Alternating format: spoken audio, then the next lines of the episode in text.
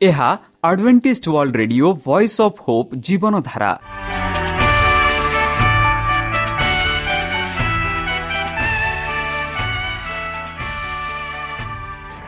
Odia radio କାର୍ଯ୍ୟକ୍ରମ ଯାହା ଆମର ଆନ୍ତର୍ଜାତୀୟ ଆଘାତ କେନ୍ଦ୍ରରୁ ପ୍ରସାରଣ କରାଯାଉଛି ପ୍ରତିଦିନ ରାତି ନଅଟା ତିରିଶ ମିନିଟ୍ରେ। ମୁଁ ସୁବ୍ରତ କୁମାର ପତି ପ୍ରେମର ସହ ଆପଣମାନଙ୍କୁ ଏହି କାର୍ଯ୍ୟକ୍ରମକୁ ସ୍ୱାଗତ କରୁଅଛି। ଚାଲନ୍ତୁ ଆଜିର ତିରିଶ ମିନିଟ୍ର କାର୍ଯ୍ୟକ୍ରମ ବିଷୟରେ ଜାଣିନେବା। ପ୍ରଥମେ ରଖିଛୁ ଆଧ୍ୟାତ୍ମିକ ଭକ୍ତିମୟ ଗୀତ। ଏହାପରେ ଶୁଣିବା ସ୍ୱାସ୍ଥ୍ୟ ବିଷୟରେ ଯାହା ଆମର ଦୈନିକ ଜୀବନରେ ଅତ୍ୟନ୍ତ ଜରୁରୀ। ଆଉ ପରିଶେଷରେ ଶୁଣିବା ପରମେଶ୍ୱରଙ୍କ ଭକ୍ତଙ୍କଠାରୁ ଜୀବନଦାୟକ ଈଶ୍ୱରଙ୍କ ବାକ୍ୟ। ପ୍ରିୟ ଶ୍ରୋତା ତାହେଲେ ଚାଲନ୍ତୁ ଶୁଣିବା ଏକ ଆଧ୍ୟାତ୍ମିକ ଭକ୍ତିମୟ ଗୀତ।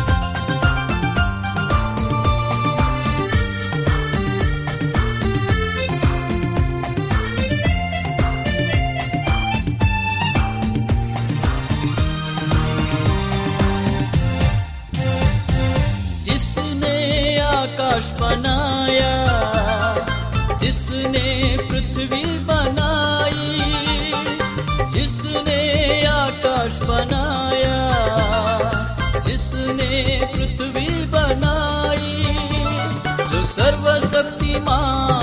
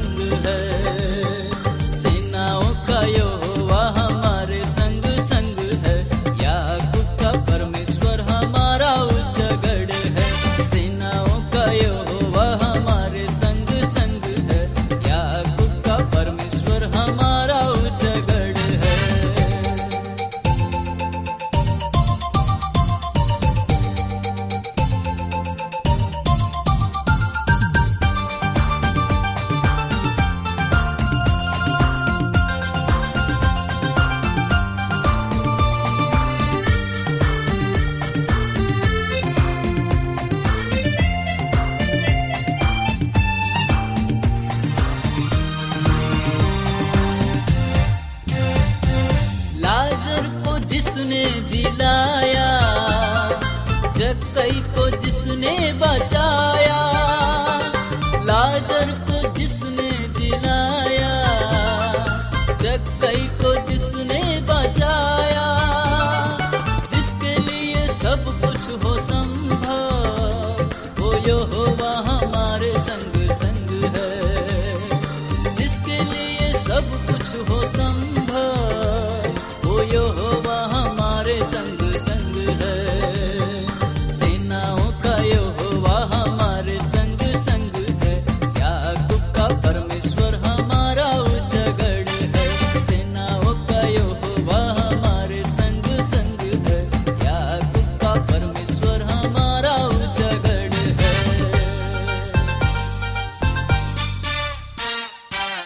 শ্রোতা, আমি আশা করুছু যে আমার কার্যক্রম আপনার পসন্দ লাগুব আপনার মতামত পাই আমার এই ঠিকার যোগাযোগ করতু আমার ঠিকনা advantage media centre SDA mission compound Salisbury park, Pune, ଚାରି ଏକ ଏକ ଶୂନ ତିନି ସାତ, ମହାରାଷ୍ଟ୍ର।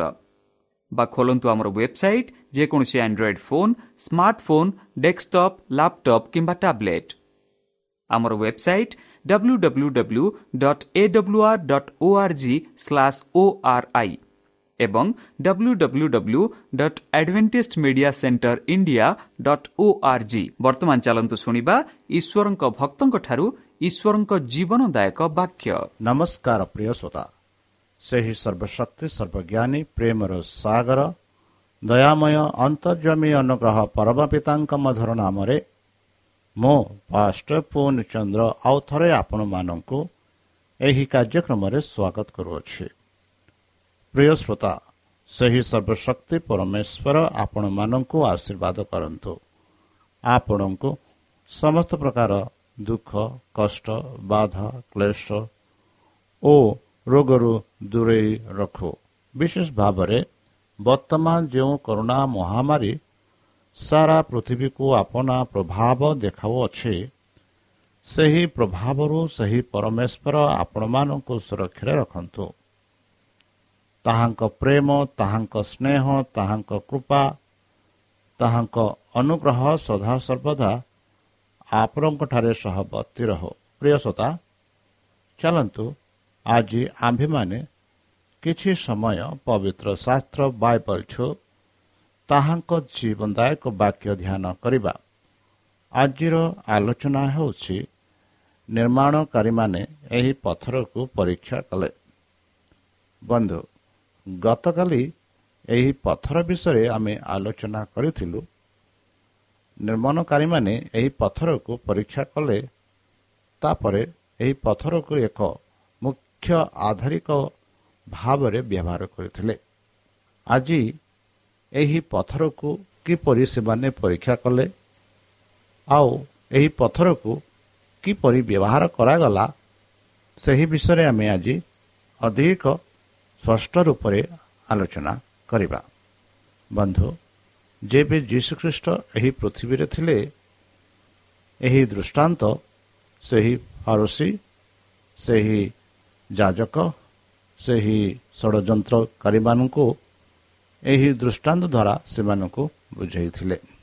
ବନ୍ଧୁ ନିର୍ମାଣକାରୀମାନେ ଏହି ପଥରକୁ ପରୀକ୍ଷା କଲେ। ଏହା ପ୍ରତ୍ୟେକ ପରୀକ୍ଷା ବହନ କରିଥିଲା କିନ୍ତୁ ଗୋଟିଏ। ଏହି ଏହା ପ୍ରବଳ ଚାପର ପରୀକ୍ଷା ସହିପାରେ। ସେମାନେ ଏହାକୁ କନର ବା ଏକ କନର ପାଇଁ ଗ୍ରହଣ କରିବାକୁ ସ୍ଥିର କଲେ। ଯେପରି ଏହି ପଥର ସାରା ଘରର ଭୋଜ ନେଇପାରିବ। ଝଡ଼ ତୋଫାନ ବର୍ଷାରେ ସମ୍ଭାଳି ପାରିବ। ସେଥିପାଇଁ ଏହି ପଥରକୁ ସେହି କୋଣରେ ରଖାଯାଇଥିଲା। ପରୀକ୍ଷା କରାଯାଇଥିଲା ପଥରଟି ଗ୍ରହଣ କରାଯାଇଥିଲା। ଏହାର ନିର୍ଦ୍ଦିଷ୍ଟ ସ୍ଥିତିକୁ ଅଣାଯାଇଥିଲା ଏବଂ ଏକ ସଠିକ ଫିଟ୍ ବୋଲି ଜଣାପଡ଼ିଛି।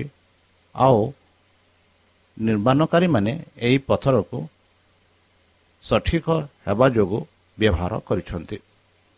ଭବିଷ୍ୟତବାଣୀ ଦର୍ଶନରେ ଜିସାୟଙ୍କୁ ଦର୍ଶାଇଥିଲେ ଯେ ଏହି ପଥରଟି ଖ୍ରୀଷ୍ଟଙ୍କ ପ୍ରତୀକ। ଜିସାୟ ଭବିଷ୍ୟତବାଣୀ ଏହି ଦର୍ଶନ ଦେଖିଥିଲେ ଯେ ଏହି ପଥରଟି ହେଉଛି ସେହି ଖ୍ରୀଷ୍ଟଙ୍କ ଦର୍ଶାଉଛି। ସେ କୁହନ୍ତି ସାମାନ୍ୟ ଫାଟକ ପ୍ରକାଶ ନକରି ନିର୍ମାଣକାରୀମାନେ ଏହି ପଥରକୁ ପରୀକ୍ଷା କଲେ। ଏହା ପ୍ରତ୍ୟେକ ପରୀକ୍ଷା ବହନ କରିଥିଲା କିନ୍ତୁ ଗୋଟିଏ। ଯଦି ଚାପର ପରୀକ୍ଷା ଯଦି ଝଡ଼ର ପରୀକ୍ଷା ଯଦି ବର୍ଷାର ପରୀକ୍ଷା ଯଦି ସୂର୍ଯ୍ୟ କିରଣର ପରୀକ୍ଷା ଏହିସବୁରୁ ଯଦି ଏହି ପଥରଟି ସମ୍ଭାଳୁଛି ସେହିପରି ଯେବେ ଯୀଶୁଖ୍ରୀଷ୍ଟ ଏହି ପୃଥିବୀରେ ଥିଲେ ସେ ଅନେକ ପ୍ରକାର ତାଡ଼ନା ଅନେକ ପ୍ରକାର ଷଡ଼ଯନ୍ତ୍ର ତାଙ୍କ ବିରୁଦ୍ଧରେ ହୋଇଥିଲା। ଯହୁଦୀମାନେ ଯାଜକମାନେ ପାରୁସୀମାନେ ଏତେ ଯୀଶୁଙ୍କୁ ଘୃଣା କରୁଥିଲେ ଆଉ ତାଙ୍କ କଥାକୁ ମାନୁନଥିଲେ। ଏହିପରି ଭବିଷ୍ୟତ ଭକ୍ତା ଆଗରୁ ଦେଖିଥିଲେ ଆଉ ଏହା ନିଜକୁ ବୁଝେଇଥିଲେ କି ଯୀଶୁ ଖ୍ରୀଷ୍ଟ ଯେବେ ଏହି ପୃଥିବୀରେ ଜନ୍ମ ହେବେ ଆଉ ଲୋକେ ଯୀଶୁଖ୍ରୀଷ୍ଟଙ୍କୁ ଗ୍ରହଣ କରିବେ ନାହିଁ। ଯେଉଁମାନଙ୍କୁ ଯୀଶୁଖ୍ରୀଷ୍ଟଙ୍କ ଆସିବାର ବିଷୟରେ ଭବିଷ୍ୟତବାଣୀ କରାଯାଇଅଛି ସେମାନେ ପଢ଼ିଛନ୍ତି ହେଲେ ବି ସେମାନେ ତାଙ୍କୁ ଚିହ୍ନିବେ ନାହିଁ। ଯେପରି ନିର୍ମାଣକାରୀମାନେ ଏହି ପଥରକୁ ପରୀକ୍ଷା କଲେ ଆଉ ପରୀକ୍ଷା କଲା ପରେ ସେହି ପରୀକ୍ଷାରେ ସେହି ପଥର ସବୁ ପରୀକ୍ଷା ବହନ କରିଥିବାରୁ ଯୋଗୁଁ ସେହି ପଥରକୁ ସେହି ଘରର ମୁଖ୍ୟ ସ୍ଥାନରେ ଦେଇ ତା ଉପରେ ସେହି ଗ୍ରହ ଘରକୁ ବା ଗୃହକୁ ତୋଳିଲେ ବା ନିର୍ମାଣ କଲେ ଯେପରିକି ଏହି ଘର ଯେବେ ଝଡ଼ ତୋପାନ ବର୍ଷା ବା କୌଣସି ପ୍ରାକୃତି ବିପଦ ଆସେ ସେହି ବିପଦରେ ସେ ସମ୍ଭାଳି ରହିପାରିବ ଆଉ ଘରକୁ ସୁରକ୍ଷାରେ ରଖିପାରିବ ସର୍ବଶକ୍ତିମାନ ସଦାପ୍ରଭୁ ନିଜକୁ ପବିତ୍ର କର ବୋଲି ସେ କହନ୍ତି ସେ ତୁମକୁ ଭୟ କର ବୋଲି କହନ୍ତି ସେ ତୁମକୁ ଭୟଭୀତ କରେ ନାହିଁ ସେ ଏକ ପବିତ୍ର ସ୍ଥାନ ନିମନ୍ତେ ରହିବେ ଜେରୁସାଲମର ଅଧିକାରୀବାସୀମାନେ ଆଉ ସେମାନଙ୍କ ପାଇଁ ଗୋଟିଏ ନିଜ ଏବଂ ଫାନ୍ଦ ପାଇଁ ସେମାନଙ୍କ ମଧ୍ୟରୁ ଅନେକ ଝୁଣ୍ଟି ପଡ଼ିବେ ବୋଲି ଆମେ ପବିତ୍ର ଶାସ୍ତ୍ରରେ କହୁଛି ଆମେ ଦେଖୁଅଛୁ। ପଡ଼ିଯିବେ ଭାଙ୍ଗି ପଡ଼ିବେ ପାଶରେ ପଡ଼ିବେ। ପ୍ରଥମ ଆଗମନକୁ ଭବିଷ୍ୟତବାଣୀ ଦର୍ଶନରେ ବହନ କରି ଭବିଷ୍ୟତ ବକ୍ତାଙ୍କୁ ଦର୍ଶାଇଛନ୍ତି ଯେ ଖ୍ରୀଷ୍ଟ ପରୀକ୍ଷା ଏବଂ ପରୀକ୍ଷା ବହନ କରିବେ ଯେଉଁଥିରେ ସଲମାନଙ୍କ ମଧ୍ୟରେ ମୁଖ୍ୟ କୌଣର ଚିକିତ୍ସା ସଂକେତ ଥିଲା। ବନ୍ଧୁ ଅତଏବେ ପ୍ରଭୁ ପରମେଶ୍ୱର କୁହନ୍ତି ଦେଖ ମୋ ସିଓନର ଏକ ପଥର ପରୀକ୍ଷିତ ପଥର ବହୁମୂଲ୍ୟ ପଥର ମୂଳ ଦୁଆ ବୋଲି କୁହନ୍ତି। ଏକ ଦୃଢ଼ ମୂଳ ଦୁଆ ପାଇଁ ରଖିଲି। ଯିଏ ବିଶ୍ୱାସ କରେ ସେ ଶୀଘ୍ର କରିବ ନାହିଁ। ଏହିପରି ଜିସାୟ ଭବିଷ୍ୟତ ବକ୍ତା ଜିସାୟ ଆଠ ତେର ଟୁ ପନ୍ଦର ଛବିଶ ଷୋହଳରେ ଏହି ପଥର ବିଷୟରେ ବର୍ଣ୍ଣନା କରି କହୁଅଛି। ବନ୍ଧୁ ଅସୀମ ଜ୍ଞାନରେ ଈଶ୍ୱର ମୂଳ ପଥରକୁ ବାଛିଲେ ଏବଂ ଏହାକୁ ନିଜେ ରଖିଲେ। ସେ ଏହାକୁ ଏକ ନିଶ୍ଚିତ ଭିତ୍ତିଭୂମି ବୋଲି କହିଛନ୍ତି। ସମଗ୍ର ବିଶ୍ୱ ଏହା ଉପରେ ସେମାନଙ୍କ ଭାର ଓ ଦୁଃଖ ଦେଇପାରେ। ଏହା ସମସ୍ତଙ୍କୁ ସହିପାରେ। ସମ୍ପୂର୍ଣ୍ଣ ନିରାପତ୍ତା ସହିତ ସେମାନେ ଏହା ଉପରେ ନିର୍ମାଣ କରିପାରନ୍ତି। ଖ୍ରୀଷ୍ଟ ଏକ ପରୀକ୍ଷିତ ପଥର। ଯେଉଁମାନେ ତାଙ୍କ ଉପରେ ଭରସା କରନ୍ତି ଯେଉଁମାନେ ତାଙ୍କ ଉପରେ ବିଶ୍ୱାସ କରନ୍ତି ସେ କଦାପି ନିରାଶ ସେମାନଙ୍କୁ କରନ୍ତି ନାହିଁ। ସେ ପ୍ରତ୍ୟେକ ପରୀକ୍ଷା ଦେଇ ଯାଇଛନ୍ତି। ସେ ପ୍ରତ୍ୟେକ ପରୀକ୍ଷାରେ ସଫଳତା ହେଇଛନ୍ତି। ସେ ଚାପ ଦୃଢ଼ କରିଛନ୍ତି। ଆଦମର ଦୋଷର ଏବଂ ତାହାର ବିନାଶ ଦୋଷ ଏବଂ ଆସିବା ଅଧିକ ବିପଦ ଶକ୍ତିର ଅପେକ୍ଷା କରିବା ସେ ପ୍ରତ୍ୟେକ ଅନୁତାପ କରୁଥିବା ପାପି ଦ୍ୱାରା ତାଙ୍କ ଉପରେ ଭାର ବହନ କରିଛନ୍ତି। ଖ୍ରୀଷ୍ଟଙ୍କଠାରେ ଦୋଷୀ ହୃଦୟ ଆରାମ ପାଇଲା। ସେ ନିଶ୍ଚିତ ମୂଳଦୁଆ।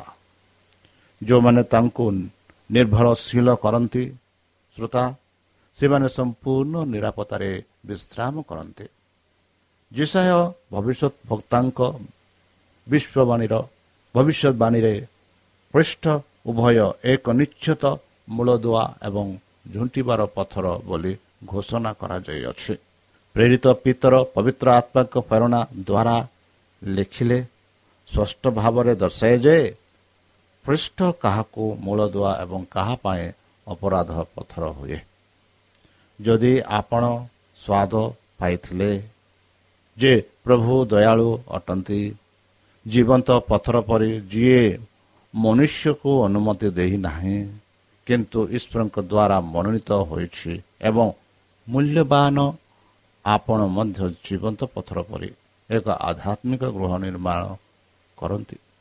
ଏକ ପବିତ୍ର ପୁରୋହିତ ଆଧ୍ୟାତ୍ମିକ ବଲି ଉତ୍ସର୍ଗ କରିବା ଯୀଶୁଖ୍ରୀଷ୍ଟଙ୍କ ଦ୍ୱାରା ଈଶ୍ୱରଙ୍କ ନିକଟରେ ଗ୍ରହଣୀୟ। ସେଥିପାଇଁ ଶାସ୍ତ୍ରରେ ମଧ୍ୟ ଏହା ଲେଖା ଅଛି। ଦେଖ ମୁଁ ସିଓନରେ ମନୋନୀତ ମୂଲ୍ୟବାନ ଏବଂ ମୁଁ ତାଙ୍କ ଉପରେ ବିଶ୍ୱାସ କରେ। ସେ ଲଜ୍ଜିତ ହେବ ନାହିଁ। ଅତଏବ ଯେଉଁମାନେ ବିଶ୍ୱାସ କରନ୍ତି ସେ ଯେ ବହୁମୂଲ୍ୟ ଅଟନ୍ତି କିନ୍ତୁ ଯେଉଁମାନେ ଅପମାନନା କରନ୍ତି ନିର୍ମାଣକାରୀମାନେ ଏହାକୁ ଅନୁମତି ନ ଦିଅନ୍ତି। ସେ କଣର ମୁଣ୍ଡ ଝୁଣ୍ଟି ପଡ଼ିବା ପଥର ଏବଂ ଅପରାଧର ପଥର ଯାହା ସେମାନଙ୍କ ପାଇଁ ଆବାଧ୍ୟ ହୋଇ ବାକ୍ୟରେ ଶବ୍ଦରେ ଝୁଣ୍ଟି ପଡ଼ନ୍ତି। ବନ୍ଧୁ ଯେଉଁମାନେ ବିଶ୍ୱାସ କରନ୍ତି ସେମାନଙ୍କ ପାଇଁ ପୃଷ୍ଠ ନିଶ୍ଚିତ ମୂଳଦୁଆ ଏମାନେ ଯେଉଁମାନେ ପଥର ଉପରେ ପଡ଼ନ୍ତି ଏବଂ ଭଙ୍ଗା ଯାଆନ୍ତି କୃଷ୍ଣଙ୍କ ନିକଟରେ ବଶୀଭୂତ ହେବା ଏବଂ ତାଙ୍କଠାରେ ବିଶ୍ୱାସ ଏଠାରେ ଉପସ୍ଥିତି ହୋଇଛି। ପଥର ଉପରେ ପଡ଼ିବା ଏବଂ ଭାଙ୍ଗିବା ହେଉଛି ଆମର ଆତ୍ମା ଧର୍ମ ତ୍ୟାଗ କରିବା ଏବଂ ଶିଶୁର ନମ୍ରତା ସହିତ କୃଷ୍ଣଙ୍କୁ ନିକଟକୁ ଯିବା। ଆମର ଅପରାଧରୁ ଅନୁତାପ କରିବା ଏବଂ ତାଙ୍କର କ୍ଷମାକାରୀ ପ୍ରେମ ଉପରେ ବିଶ୍ୱାସ କରିବା ଏବଂ ବିଶ୍ୱାସ ଏବଂ ଆଜ୍ଞା ଦ୍ୱାରା ମଧ୍ୟ ଆମେ କୃଷ୍ଣଙ୍କ ଉପରେ ଆମର ମୂଳଦୁଆ ଭାବରେ ଗଢ଼ିବା। ବନ୍ଧୁ ଏହି ଜୀବନ୍ତ ପଥର ଉପରେ ଜୁହୁଦୀ ଏବଂ ଅନଯୁହୁଦୀମାନେ ସମାନ ଭାବରେ ନିର୍ମାଣ କରିପାରନ୍ତି। ଏହା ହେଉଛି ଏକମାତ୍ର ଭିତ୍ତିଭୂମି ଯାହା ଉପରେ ଆମେ ନିରାପଦରେ ନିର୍ମାଣ କରିପାରିବା। ଏହା ସମସ୍ତଙ୍କ ପାଇଁ ଯଥେଷ୍ଟ ପ୍ରଶସ୍ତ ଏବଂ ସମଗ୍ର ବିଶ୍ୱର ଓଜନ ଏବଂ ଭାର ବଞ୍ଚାଇବା ପାଇଁ ଯଥେଷ୍ଟ ଶକ୍ତିଶାଳୀ ଏବଂ ଖ୍ରୀଷ୍ଟ ଜୀବନ୍ତ ପଥର ସହିତ ଯେଉଁମାନେ ଏକ ଏହି ମୂଳଦୁଆ ଉପରେ ନିର୍ମାଣ କରନ୍ତି ସେମାନେ ଜୀବନ୍ତ ପଥର ହୁଅନ୍ତି। ଅନେକ ବ୍ୟକ୍ତି ନିଜ ନିଜ ଉଦ୍ୟମରେ ଖୋଦିତ ପୋଲିସ ଏବଂ ସୌନ୍ଦର୍ଯ୍ୟର କରନ୍ତି କିନ୍ତୁ ସେମାନେ ଜୀବନ୍ତ ପଥର ହୋଇପାରିବେ ନାହିଁ କାରଣ ସେମାନେ ଖ୍ରୀଷ୍ଟଙ୍କ ସହିତ ସଂଯୁକ୍ତ ନୁହନ୍ତି। ବନ୍ଧୁ ଏହି ସଂଯୋଗ ବିନା କୌଣସି ମଣିଷକୁ ରକ୍ଷା କରାଯାଇପାରିବ ନାହିଁ। ଆମ ଭିତରେ ଖ୍ରୀଷ୍ଟଙ୍କ ଜୀବନ ବିନା ଆମେ ପ୍ରଲୋଭନର ସହ୍ୟ କରିପାରିବୁ ନାହିଁ। ଆମର ଅନନ୍ତ ନିରାପତ୍ତା ନିଶ୍ଚିତ ଭିତ୍ତି ଉପରେ ଆମର ନିର୍ମାଣ ଉପରେ ନିର୍ମାଣ କରେ। ପରୀକ୍ଷଣ ହୋଇନଥିବା ଭିତ୍ତିପତି ଉପରେ ଆଜି ବହୁ ସଂଖ୍ୟାରେ ଲୋକ ନିର୍ମାଣ କରୁଛନ୍ତି। ଯେତେବେଳେ ବର୍ଷ ହୁଏ ବର୍ଷା ହୁଏ ଏବଂ ଘୂର୍ଣ୍ଣିବୟଳ ପ୍ରବାହିତ ହୁଏ ଏବଂ ବନ୍ୟା ଆସେ ସେମାନଙ୍କ ଘର ପଡ଼ିବ। କାରଣ ଏହା ଅନନ୍ତ ଶୈଳ ବା ପଥର ଉପରେ ସ୍ଥାପିତ ହୋଇନାହିଁ। ମୁଖ୍ୟ କୋଣରେ ଖ୍ରୀଷ୍ଟ ଯୀଶୁ ବନ୍ଧୁ ଯେଉଁମାନେ ବାକ୍ୟରେ ଝୁଣ୍ଟି ପଡ଼ନ୍ତି ଅବାଧ୍ୟ ହୁଅନ୍ତି ଖ୍ରୀଷ୍ଟ ଅପରାଧର ଏକ ପଥର କିନ୍ତୁ ଯେଉଁ ପଥରକୁ ନିର୍ମାଣକାରୀମାନେ ଅନୁମତି ଦେଇ ନାହାନ୍ତି ସେହି କଣର ମୁଣ୍ଡ ତିଆରି କରାଯାଇଛି। ପ୍ରତ୍ୟାଖ୍ୟାନ ପଥର ପରି ଖ୍ରୀଷ୍ଟ ତାଙ୍କ ପାର୍ଥିବ ମିଶନରେ ଅବହେଳା ଏବଂ ଅପବ୍ୟବହାର ବହନ କରିଥିଲେ। ସେ ମଣିଷମାନଙ୍କୁ ଘୃଣା କଲେ ଓ ପ୍ରତ୍ୟାଖ୍ୟାନ କଲେ। ଜଣେ ଦୁଃଖୀ ଲୋକ ଏବଂ ଦୁଃଖୀ ସହିତ ପରିଚିତ ଥିଲେ। ଏହିପରି ଆମେ ଜିସାୟ ତେବନ ତିନିରେ ପାଉଅଛୁ। ବନ୍ଧୁ କିନ୍ତୁ ସମୟ ପାଖେଇ ଆସିଲା। ଯେତେବେଳେ ସେ ଗୌରବାନ୍ୱିତ ହେବେ ମୃତ୍ୟୁମାନଙ୍କ ମଧ୍ୟରୁ ପୁନରୁଦ୍ଧିତ ଦ୍ୱାରା ସେ ଶକ୍ତି ସହିତ ଈଶ୍ୱରଙ୍କ ପୁତ୍ର ଘୋଷିତ ହେବେ। ତାଙ୍କର ଦ୍ୱିତୀୟ ଆସିବା ସମୟରେ ସେ ସ୍ୱର୍ଗ ପୃଥିବୀରେ ପ୍ରଭୁ ଭାବରେ ପ୍ରକାଶିତ ହେବେ। ଯେଉଁମାନେ ତାଙ୍କୁ କୃଷରେ ଚଢ଼େଇବାକୁ ଯାଉଥିଲେ ସେମାନେ ତାଙ୍କର ମହାନତାକୁ ଚିହ୍ନିବେ। ବ୍ରହ୍ମାଣ୍ଡ ପୂର୍ବରୁ ପ୍ରତ୍ୟାଖ୍ୟାନ ପଥର କୋଣର ମୁଣ୍ଡ ହୋଇଯିବ ଏବଂ ଯାହା ଉପରେ ପଡ଼ିବ ତାହା ତାଙ୍କୁ ପାଉଡ଼ର ବା ଖଣ୍ଡ ଖଣ୍ଡ କରି କରିଦେବ ଚୂର୍ଣ୍ଣ ବିଚୂର୍ଣ୍ଣ କରିଦେବ। ଖ୍ରୀଷ୍ଟଙ୍କୁ ପ୍ରତ୍ୟାଖ୍ୟାନ କରିଥିବା ଲୋକମାନେ ଶୀଘ୍ର ସେମାନଙ୍କର ସହର ଏବଂ ସେମାନଙ୍କ ଦେଶ ଧ୍ୱଂସ ହେବାକୁ ଦେଖିବେ। ସେମାନଙ୍କର ଗୌରବ ଭାଙ୍ଗି ପବନ ପୂର୍ବରୁ ଧୂଳି ପରି ଛିନ୍ନ ଭିନ୍ନ ଛିନ୍ନ ଭିନ୍ନ ହୋଇଯିବ। ଯେଉଁଦୀମାନଙ୍କୁ ବିନାଶ କଲା କି ଏହା ସେହି ପଥର ଥିଲା। ଯଦି ସେମାନେ ଏହା ଉପରେ ନିର୍ମାଣ କରିଥାନ୍ତେ ତେବେ ସେମାନଙ୍କ ସୁରକ୍ଷା ହୋଇଥାନ୍ତା। ଏହା ଈଶ୍ୱରଙ୍କ ଉତ୍ତମତାକୁ ଘୃଣା କଲା। ଧାର୍ମିକତା ଆଗ୍ରହ ହେଲା ଦୟା ସାମାନ୍ୟ ହେଲା। ଲୋକମାନେ ଈଶ୍ୱରଙ୍କ ବିଷୟରେ ନିଜକୁ ବିରୋଧ କଲେ ଏବଂ ସେମାନଙ୍କ ପରିତ୍ରାଣ ହୋଇଥାନ୍ତା ଯାହା ବିନାଶରେ ପରିଣତ ହୋଇଥିଲା।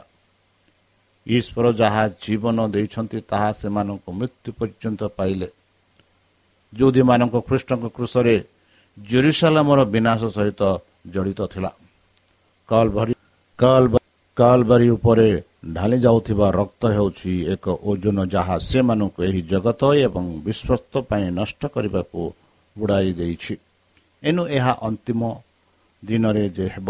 ଯେତେବେଳେ ଈଶ୍ୱରଙ୍କ କୃପା ପ୍ରତ୍ୟାଖ୍ୟାନକାରୀ ଉପରେ ବିଚାର ପଡ଼ିବ ପୃଷ୍ଠ ସେମାନଙ୍କ ଅପରାଧର ପଥର ତାପରେ ସେମାନଙ୍କୁ ପ୍ରତିଶୋଧ ପର୍ବତ ପରି ଦେଖାଯିବେ। ତାଙ୍କ ମୁଖରୁ ଗୌରବ ଯାହା ଧାର୍ମିକମାନଙ୍କ ପାଇଁ ଜୀବନ୍ତ ଦୁଷ୍ଟମାନଙ୍କ ପାଇଁ ଜ୍ୱଳନ୍ତ ଅଗ୍ନି ହେବ। ପ୍ରେମ ପ୍ରତ୍ୟାଖ୍ୟାନ ହେତୁ ଅନୁଗ୍ରହ ଘୃଣା ହେବ। ପାପି ବିନଷ୍ଟ ହେବ। ଅନେକ ଦୃଷ୍ଟାନ୍ତ ଏବଂ ବାରମ୍ବାର ଚେତାବନୀ ଦ୍ୱାରା ଈଶ୍ୱରଙ୍କ ପୁତ୍ରଙ୍କୁ ପ୍ରତ୍ୟାଖ୍ୟାନ କରିବାର ଯୌଦୀମାନଙ୍କ ଫଳାଫଳ କ'ଣ ହେବ ବୋଲି ଯୀଶୁ ଦର୍ଶାଇଥିଲେ?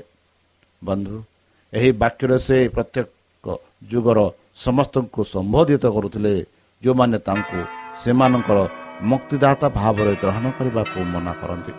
ବନ୍ଧୁ ପ୍ରତ୍ୟେକ ଚେତାବନୀ ସେମାନଙ୍କ ପାଇଁ ଅପବିତ୍ର ମନ୍ଦିର ଅବାଧ୍ୟ ପୁତ୍ର ମିଥ୍ୟ ସ୍ୱାମୀ ଅପମାନିନା ନିର୍ମାଣକାରୀ ପ୍ରତ୍ୟେକ ପାପୀଙ୍କ ଅଭିଜ୍ଞାତରେ ସେମାନଙ୍କ ପ୍ରତିପକ୍ଷ ଅଛନ୍ତି।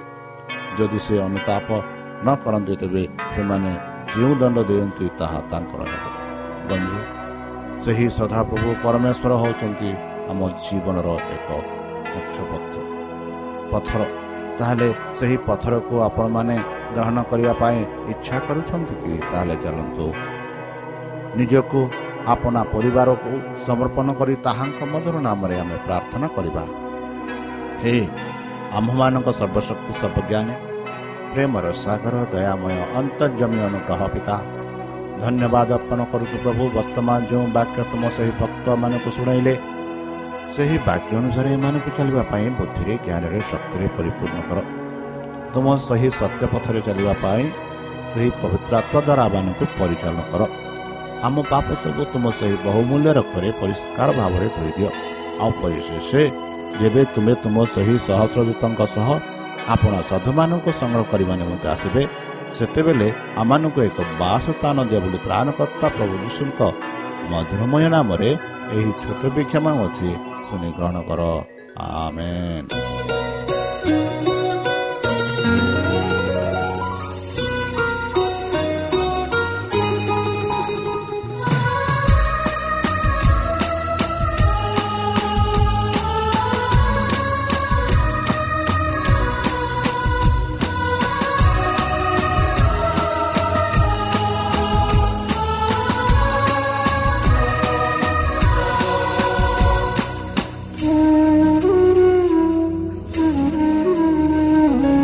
ପାଦ ଗୌରବ କର ସଦା ପ୍ରଭୁଙ୍କର ଧନ୍ୟବାଦ ଗୌରବ କର ସଦା ପ୍ରଭୁଙ୍କର ଜୟ ଜୟକାରେ ଉଚ୍ଚ କର ତାଳେ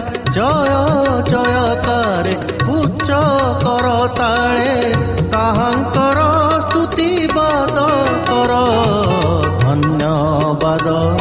ଗୌରବ କର ସଦା ପ୍ରଭୁଙ୍କର। ଧନ୍ୟବାଦ। ଗୌରବ କର ସଦା ପ୍ରଭୁଙ୍କର।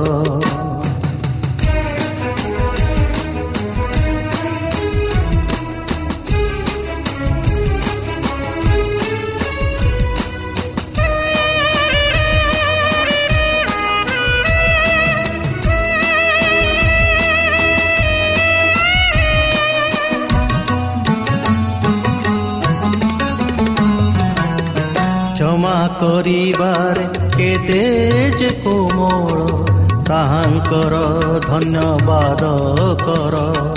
ଦଣ୍ଡ ଦେବା ପାଇଁ ସେ ତ ଭୟଙ୍କର ତାହାଙ୍କର ଧନ୍ୟବାଦ କର।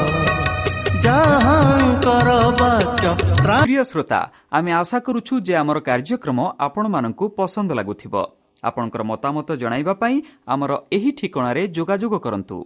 ଆମ ଠିକଣା advantage media centre SDA mission compound Salisbury park Pune ଚାରି ଏକ ଏକ ଶୂନ ତିନି ସାତ ମହାରାଷ୍ଟ୍ର।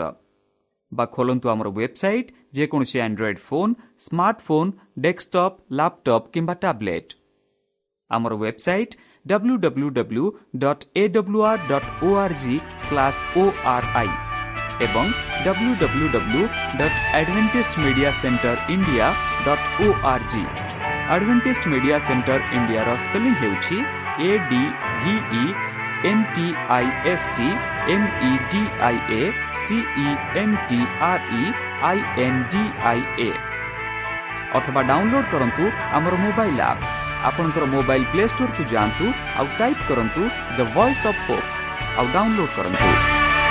ଈଶ୍ୱର ଆପଣଙ୍କୁ ଆଶୀର୍ବାଦ କରନ୍ତୁ। ଧନ୍ୟବାଦ।